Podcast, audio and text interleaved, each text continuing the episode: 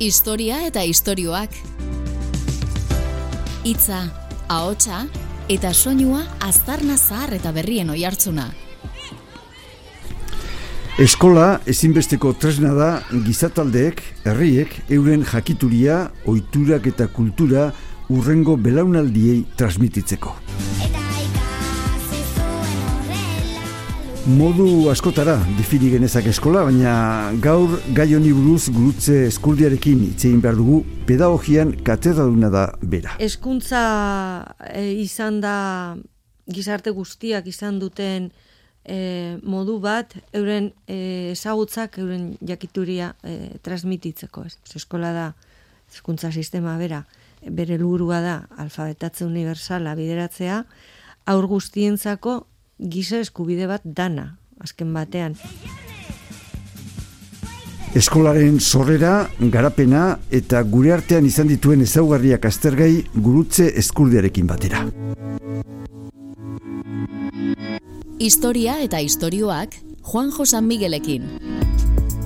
Historia, nazioartea eta giza iragana ahots hautatuen eskutik. Elkarrizketen bidez, gizakiok gaur egunerarte ekarri gaituzten bideak jorratuz. Gurutze eskurdia pedagogian doktorea da, hezkuntzaren historia erakusten du Bilboko hezkuntza fakultatean, hezkuntza emakumea, historia, hizkuntza laritza eta beste hainbat gai jorratu ditu bere liburuetan eta zenbait komunikabietan idatzi eta saltzen ditu bere iritziak. Kaixo gurutze, zemoz? Ondo, eskerrik asko, gombita gaitik. Eskerrik asko zuri, gombitea onartzeagatik. Hezkuntza, eh, personon eziketa, gizateria bezain zarra dela esan genezake, baina noiz hasten da jarduera planifikatu izaten, noiz sortzen da izbatean eskola? Bueno, eskola ez dakit, baina eskuntza e, izan da gizarte guztiak izan duten e, modu bat, euren e, ezagutzak, euren jakituria e, transmititzeko ez. Gehienetan ahoskotasunean oinarrituta egonda transmisio hori, eta, bueno, e, estatu nazioa osatu duten herriek e, indartu egin dute hezkuntza sistema baten bidez, hor antolatu da, normalean hezkuntza sistema e, iraultza burgesarekin batera e, antolatzen da eskola antolatuz eta eskolaren bidez alfabetatze universala bideratzeko, eskola da hezkuntza sistema bera, e, bere lurua da alfabetatze universala bideratzea, aur guztientzako giza eskubide bat dana, azken batean. Osea, eskolaratzea eta alfabetatzea da alde batetik eskubide universal bat, aurrari dagokiona edo zein du berzaiona, eta beste alde batetik derrigorra, ba, mm, horren bidez, e, persona iritartu egiten dugulako, gizarte baten kide, eta eta ba, gaur eguneko estatu nazio guztiek hezkuntza sistema bat dute antolatua. Eskola. Egia da, badaudela herri batzuk ez dutenak estadurik antolatu eta euren e, irakaskuntza eta eskola edo e, irakaskuntza paraleloak antolatu dituztenak. Baina e, ez dira modu ofizialean ezagutzen edo errekonozitzen hori eskuntza sistema. Eta eskuntza bezik eta eh, nola definituko zenuke? Eskuntza da ba, gizarte batek bere, e, bere ezagutzak, bere jakituria transmititzeko erabiltzen dan e, irakaskuntza e, sistema o, modu bat. E, personak e, ikasi egiten du bizitzen hasten danetik, eta hor ba, badago e, zelan baiteko formakuntza orokor bat. Gizarte bakoitzak bere ezagutzak ditu, bere transmisioak ditu, eta hortan ba, desberdinak dira. Naiz eta gaur egun hainbat ezagutza universaltza hartzen den, ba, esate bateko ezagutza identifikoa, eta hor ba, e, danontzate antzekoa da Historian zehar, e, pentsakera eta kulturaren arabera garatu dira leku bakutzean eskolak eta eskuntza sistemak, guri daukiunez, e, mendebaldean edo euskal herrian, zeintzu dira historiak eman dizkigun oinarria ipagarrienak? Bueno, Euskaldun moduan, hitz egin da, Euskal Herritik, ba, berez Euskaraz bizi izan garanok, ahosko transmisioan izan dugu oinarria, nik esango nuke hogei garren mendera arte. Seguruenik irurogeita margarren amarkadar arte. Hor nun bait, e, Euskaldun gehiengo bat, oza, ez, ba, batzuk ja alfabetatuak ziran, baina gehiengoa alfabetatua da, eta ja Euskaraz alfabetatzen hasia dago, hasia da, e, ba, gehiengo bat. Esan nahi dut honekin, ba, Euskararen transmisio ahoskotik idatzira saltotxo hori horre eman duela herri moduan, eta hizkuntza eta kultura moduan. E, bueno, hori da euskeraz. Mm Gero, hezkuntza sistema moduan, ba, Euskal Herriak bi hizkuntza hezkuntza sistema ditu, frantsesa eta espainola. Ze esan dut, hezkuntza sistema estatuarekin lotuta dago eta estatuak nahi duena da bere nazioa eraiki hizkuntza sistemaren bidez eta alfabetatze universalaren bidez. Horregaitik irakatzi digute frantsesa edo espainola. Da zentzu horretan, e, ba, hori da, tresna bat, e, iritarrak e, e, egiteko eta e, eraikitzeko. E, Euskal Herriak, orduan, partekatzen, o, bueno, badu, eh, eskuntza sistema desberdina, bai frantziako historia beste bada, egoaldekoa, ba, gaur egun, e, estatu autonomikoari erantzunez, ba, autonomia bakoitzak bere eskumenak ditu eskuntzan. Baina legeak estatalak dira. Hemen mm. egiten dana da, egokitu. Egokitu gure ezaugarrietara e, behintzat aldan zatian. Eta eskola hortatik, bai frantsesez, bai espainolez. Etorri zaizkigun edukiek ze, ze eragin Estatuak erabili, o, e, estatuak planifikatutakoak dira, gehienetan. Naiz eta, hemen esan behar dugun, ba, eduki horiek oso zabalak dira, ez? Eta gero hori egokitu egiten danean urbildu. A ber, eskolan umeak urbiletik urrunera ikasten da. Horan, ur, urbileko ezagutza horrek, izan beharko lirateke bere kulturarekin lotuta daudenak. Gertatzen dana da, eskolan hori meizu maestrak egin dezakete, baita eskola proiektuetan bere jaso. Arazoa da, askotan, testu liburu erabiltzen dela. Eta testu liburuak, testu liburuak kendu egiten dio e, meizu maestrari lana, eta harindu, da, Orduan, mm, testu liburua argitaletxearen proiektua da eta oso ideologikoak dira. Segun eta ze argitaletxe aukeratzen den, modu batera edo bestera deskribatzen da ingurune hurbil hori. Ta askotan ingurune hurbila ez da egoten liburuan jasota. ez da ekonomikokiz dira eh claro, orduan egiten dute proiektu oso zabalak eta akaso bi hiru horritxo ba, nabardura batzuk, bertako nabardura batzuk eginaz, ez. Eta, bueno, ba, hor, horrek egiten dau, askotan gure e, irakaskuntza ez, deit, e, ez izatea ba, urbilekoa. Mhm. Mendetan zehar, eskuntza elitei edo goi klasen e, privilegioa izan dela, izan genezaket, hori ala izan da, noiztik aurrera, hautsi dira, muga horiek hautsi badira, edo noiz izan zuen mundu guztiak ikasteko eskubidea? Bueno, ezagutza erdiaroan, eta, bueno, nik esango nuke meretzi garren mendera arte, Elizaren eskuetan egon da, neurri baten. Eliza katolikoa hemen, baina protestantea besteleko batzuetan, eta musulmana besteleko batzuetan. Beraz, ezagutzaren monopolioa e, oso oso e, gai mm, burrukatu izan da. Ezta?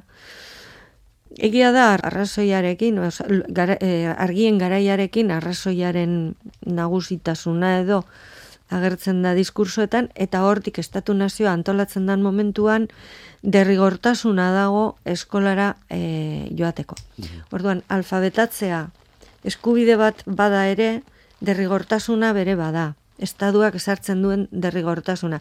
Hain zuzen, nazio berria eraikitzeko.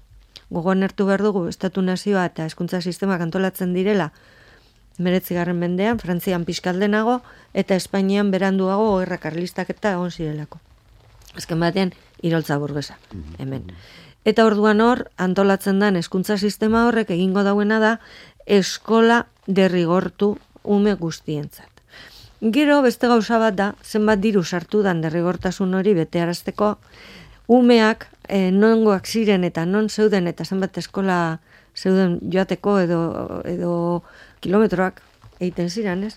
Hemen, Euskal Herrian, batez ere bizkaeta gipuzkoan, e, ja meretzi garren amaieran, ba, hogei garren mende hasieran, e, batez ere diputazioen eskutik eskolak antolatzen hasi ziren, e, auzo guztietan, auzo eskolak bizkaian eta gipuzkoan e, herri eskolak edo eskolas rurales, ezta?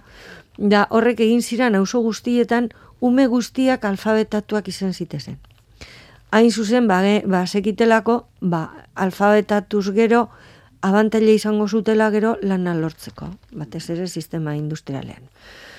E, hor, ba, hasiera hasieran e, alfabetatzea erderaz da, hemengo jendea gehiengo baten, euneko larogoi baten esango enduke Euskalduna zan, orduan alfabetatzea erdaraz egiten da zati baten.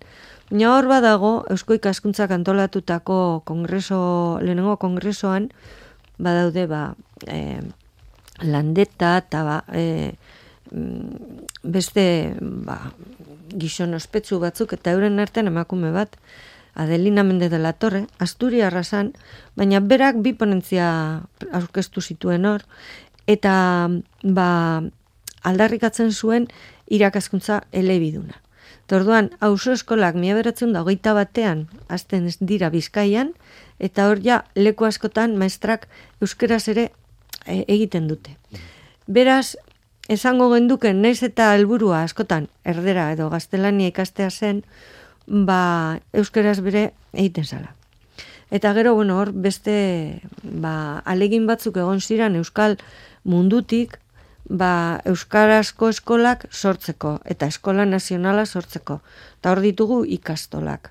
Errepublika garaian sortu ziren ikastola batzuk, ez ziren asko izan, baina batzuk emakumea bertzale batzaren eskutik, ez? eta hor hori izan zan esango genduke gero irurogei gerren amarkadan, bueno, berro eta amalauan hemen e, zera albira zipintria, baina irurogei gerren amarkadan etxe eskolak e, sortzeko hasia. Historia eta istorioak Ustekabekoak jakinak ziruditen kondaira pasarteetan gurutze eskurdiarekin hitz egiten ari gara, eskuntzaren historiari buruz, gure ikasketi buruz, eta, bueno, emakume aipatu duzu, emakume batza, noiztik aurrera, e, sartzen da emakumea, ez bakarrik Euskal Herrian, pixkat, orokorrean eskuntza sisteman, noiztik aurrera, normaltasunez, hasten da eskolara joaten, nola esateko. Bueno, emakume eskolara, ba, segun eta familiak, baina, hori ez dago esaterik e, derrigortasuna andrak eta gizonak hartzen zituen. E, argi dauena da, e, amazortzi, oi, parkatu, emeretzi garren mendean, ba, maizuen eskolak daudela. Baina maizuen eskolak ez dute izango, holango, indar handirik, ze garai horretan gizoneskoak beste lan hobeak zituzten gehiago irabazteko modukoak. Mhm. Eta orduan, ja mila beratzerun da bian, Bilbon e, ereikiko da lehenengo e, maistren eskola, goi mm, go, mm, maistren goi e, eskola, e, magisterio ikasteko. E, magisteritza izan da ba, emakumeen artean oso e, ikasketa e, aukeratua, emakume asko ikasten zuten, eta gero maistrak horregaitik gero maistrak izan dira gehiengo bat maisuak ere egon dira, baina gehiengo bat maistrak izan dira e, sartu direnak irakasle. Ikasteko derrigortasuna, bueno, ja, hogei garren, garren mendearen erditik aurrera, baina hogei garren mendean, ja, emakume guztiak ikasten da biz. Egia da, baina ez da egia hoitere, e, naiz eta emakumeak eskubide hori uki, eta derrigortezko hizkuntza hortan e, sartu, edo batzuk ez zutela eskubidorio aprobetsatzen zila joan, eta beste batzuk oso goiz usten zutela eskola. Bueno, baina bai, mm, segun, mm, maila ekonomikoak asko baldintzatuko zuen hor. Eh? Baserrietan zeuden ikasleak, ba, askotan joaten ziren gurasui laguntzera. Hirietan zebizenak, ba, bueno, batzuk, neskame, amala urtegaz, amairu urtegaz, e, beste batzuk ikasten zuten, e, batez ere maila ekonomiko ertaina zutenak. Bai, ikasten zuten. Magisterio musika, e, eta gero gau eskola eta joaten zagen asko josten, joskile. Bai. Eta emakumea eskolan sartu izanak e, zer egin izan du, bai emakumearengan eta bai oroar gizartean. E, bueno, eskolan sartu izanak ba izugarrizko aldaketa eragin du. Baina ja e, ikasten asteak, alfabetatua izateak, berezko aldaketa ekarri zuen. Nik uste dut, emakumeen mugimendu askatzaileak, zango duke, e, emakume ikasi esker e, biztu zirela du mugitu zirela. Aldarrikapenak, kontzintzia hartze hori, e, alfabetatzetik badator zati baten. Jakina, ez dira denak e, horretan sartu, poltza horretan sartuko, baina asko asko bai, eta badinot, e, Euskal Herriko emakumen mugimenduetan esan gure dut e, hartzaleetan, zaurret dira gehien landu ditugunak, e, ba ikasiak dira. Baina baita bere esate baterako Maria Maeztu edo e, zera Zeran dago, la pasionaria... Eh, Dolores Ibarru. Dolores Ibarru, honek ikasi, bueno, ikasi zuten pixkat. Mm. Irakurriak ziran. Batez ere Dolores Ibarruri, eh, Maria Maztuk gehiago ikasi zuen. Zanet, hor maila ekonomikoak bere markatzen du. Bai, baina horre jago mailako ikasketa dituzte. Bai, horrek ez da du mailakoak dira. E, emakumeak aipatu zu, eta bai. aipatu zu emakume abertzale batza, Oiek hasi ziren Juan Zamendeko oiko amarkadan, ze, zera egin zazuten horiek eskuntza sistema? Bueno, emakume bertzale batza da movimendu bat, e, bueno, esan behar dut, e, ikerketa hauetan, beste kide bideitu dela, eh? Begoña Bilbo Bilbo eta Carmele Peruzurraza. E, aipatu behar dira, ze ez dira bakarri nirak ikerketak, eh? Bueno, bueno. e, bai, baina bueno, esan nahi dut. E, emakume honek egiten dutena da e, antolatzen hasi e, nazionalismotik esango enduke e, PNV edo EAJ-tik e, edaten dute abertzaletasuna eta hortik e, azten dira ba, bueno, aldarrikatzen zer egingo dau emakume batek e, ba, euskal e, gizartea eta euskalduntasuna ba, zabaltzeko eta indartzeko, ez? da horrezten dira, bueno, ongintzan, e, eta baita bere, ba, eskuntzan, ez? Eta eskuntza barruan, ba, irakasle, e, maistrak, asko maistrak dira, eta horrek izango dira, errepublika garaian, bultzatu, e, ikastolak bultzatuko dituztenak. Eta gero ja, gerran, kanpora joan ziren umeakin, e, ba, Inglaterrara eta Frantzira eta, ba hor e, kanpamentuetan daba ez hitzaile eta ba horrek izan ziran apur bat euskal e, kultura irakatzi bersanaren e, aldarrikatzaile, ez? Mm Eta euskara be bai, eh? Bai, mm jakina. Esan dezakegu gaur egun emakumea erabat integratuta dago hezkuntza sisteman.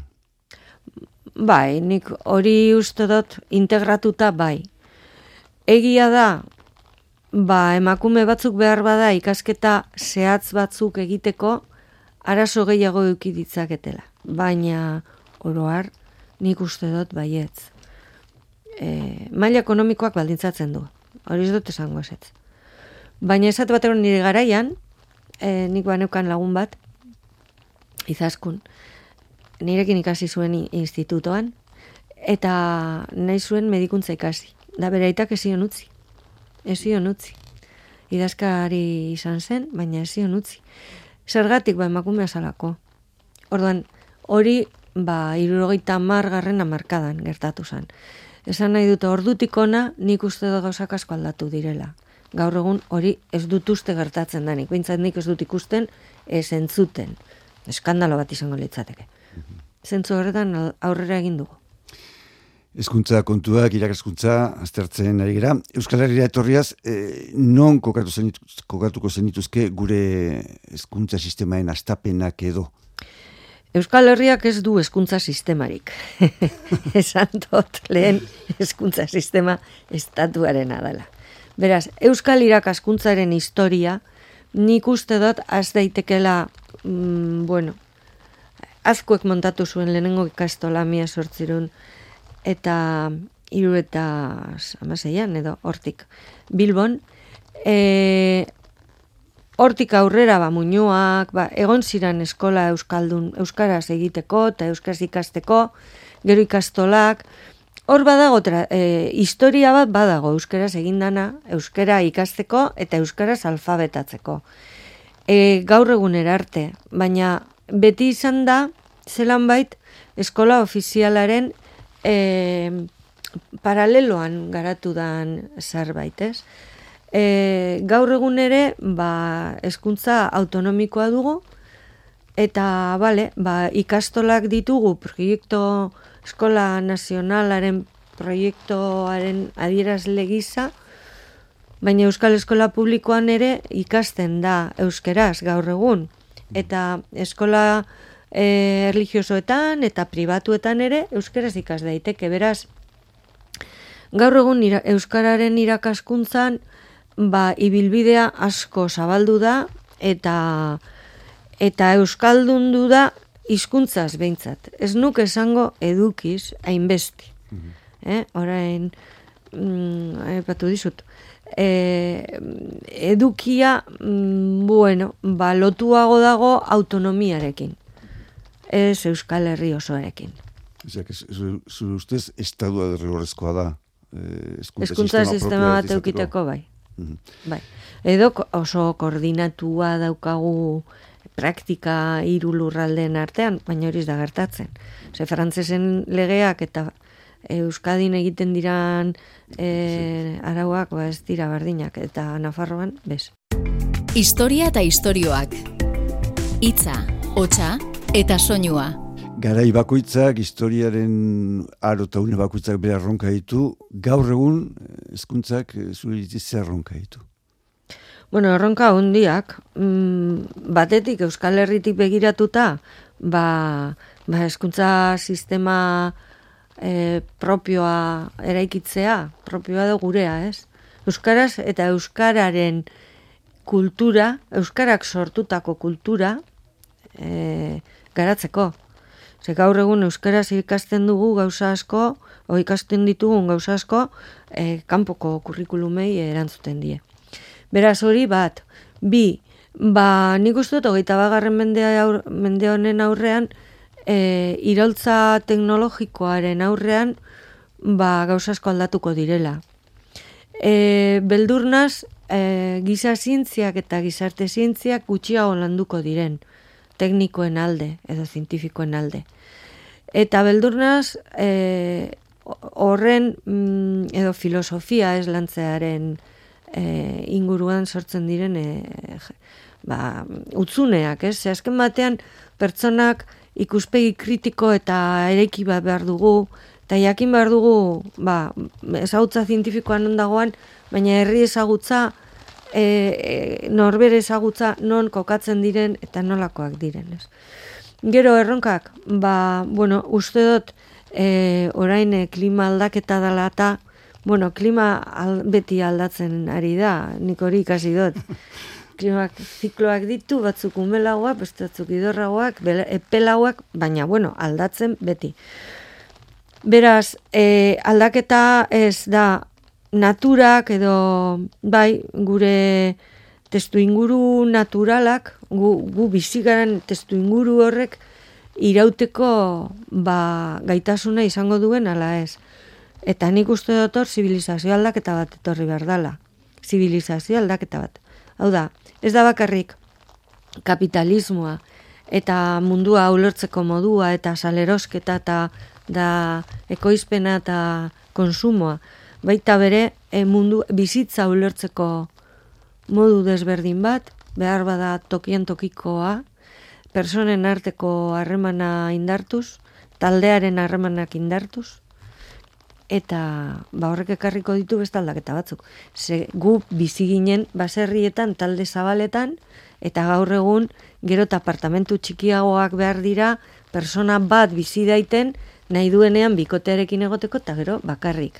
Karo, etxe bakoitzak bere kalefazioa du, bere la, e, ba, ez dakit, lavadora, eta ba, gauzo guzti horrek, ez? Horrek astu bat dauka. Eta zuk uste duzu, e, gaurko gazteak hortarako prestatzen ari gaela? bueno, e, nik uste dut gaurko gazteak ez direla prestatzen bakarrik eskuntza sisteman. Eskuntza sisteman ikasi egiten dabe. Horregia da. Azterketa batzuk egiteko eta ikasten dute ba, meritokrazia baten barruan ba, titulo batzuk egiteko. Baina gure gaurko gazteak asko ikasten dute zareetatik. Eta nik uste dut, bueno, egia da, zare alternatiboak daudela, baina oroar, ba, kontrolatzen ez dugun mundu bat dela. Eta uste dut, ez direla e, gauza asko behar, behar beste eta behar bezala kontrolatzen. Aldiro entzutu dugu PISA informea, eh, OCD elkarteak bere herrialdeen artean egiten duena, eta hor, sistema ezberdinak azaltzen dira, batzuko bea, bestatzuko kerragoak, zer itzi duzu horta, zer itzi zaizu sistema bueno, batzuko bea direla? E, a ber, oso oso gai komplexua da. Neurtu behar da, eta orduan neurtzeko numeroak hartzen dira, kuantitatiboa da. E, egia da badala modu bat, ba, eskuntza sistema desberdinak alderatzeko, baina horrek ez du adierazten seguruanik ba persona batek dakiena. Edo gizarte batek dakiena. E, jakin behar da, zertarako egiten diran, e, e, esan nahi dut, mm, zema matematika jakin behar da, zertarako jakin behar dira matematikak. Ze onura dakar, e, dakar, mm, ekarten dio matematika jakiteak persona bateri. E, hor, kokatu behar dira gero horrek neurketok, ez?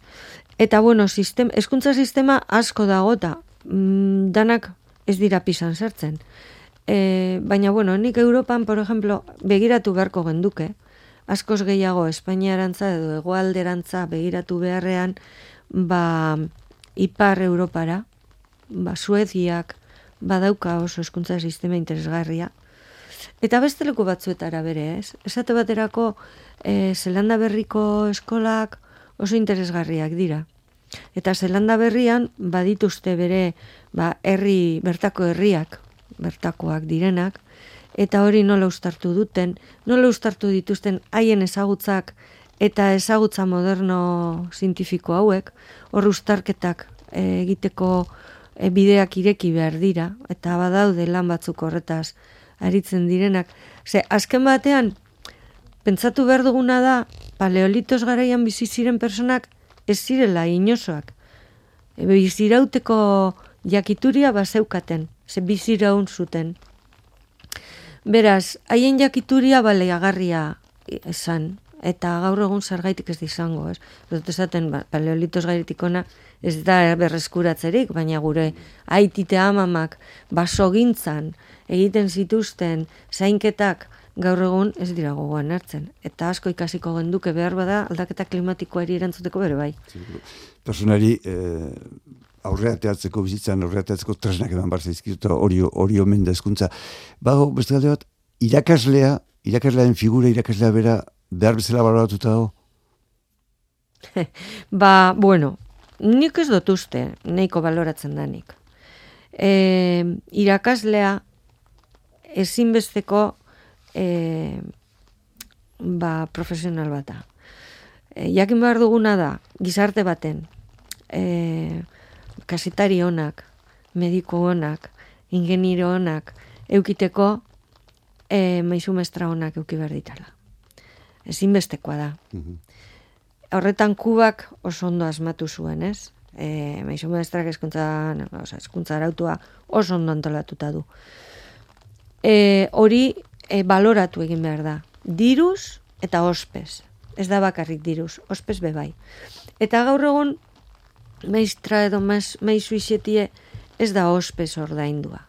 Ez dut esango, ba, bueno, egon kortasun bat egon daiteke, soldata, bueno, baina beste herri batzuetan, Alemanian esate baterako, asko sospeundiagoa dute irakasleek. Ni gertatu zait bizitzan lagun batzu ditut Berlinen, eta ezin zuten sinistu nin olako lanbide baten enbilenik, simpleki, bai. Ba, urtze eskurdia, mila mila esker, zure azalpenen. Plazer bat. Eta arte. Bai, gauza bera. Historia eta istorioak Juan Josan Miguelekin. Historia, nazioartea eta giza iragana ahots hautatuen eskutik. Elkarrizketen bidez, gizakiok gaur egunera arte ekarri gaituzten bideak jorratzen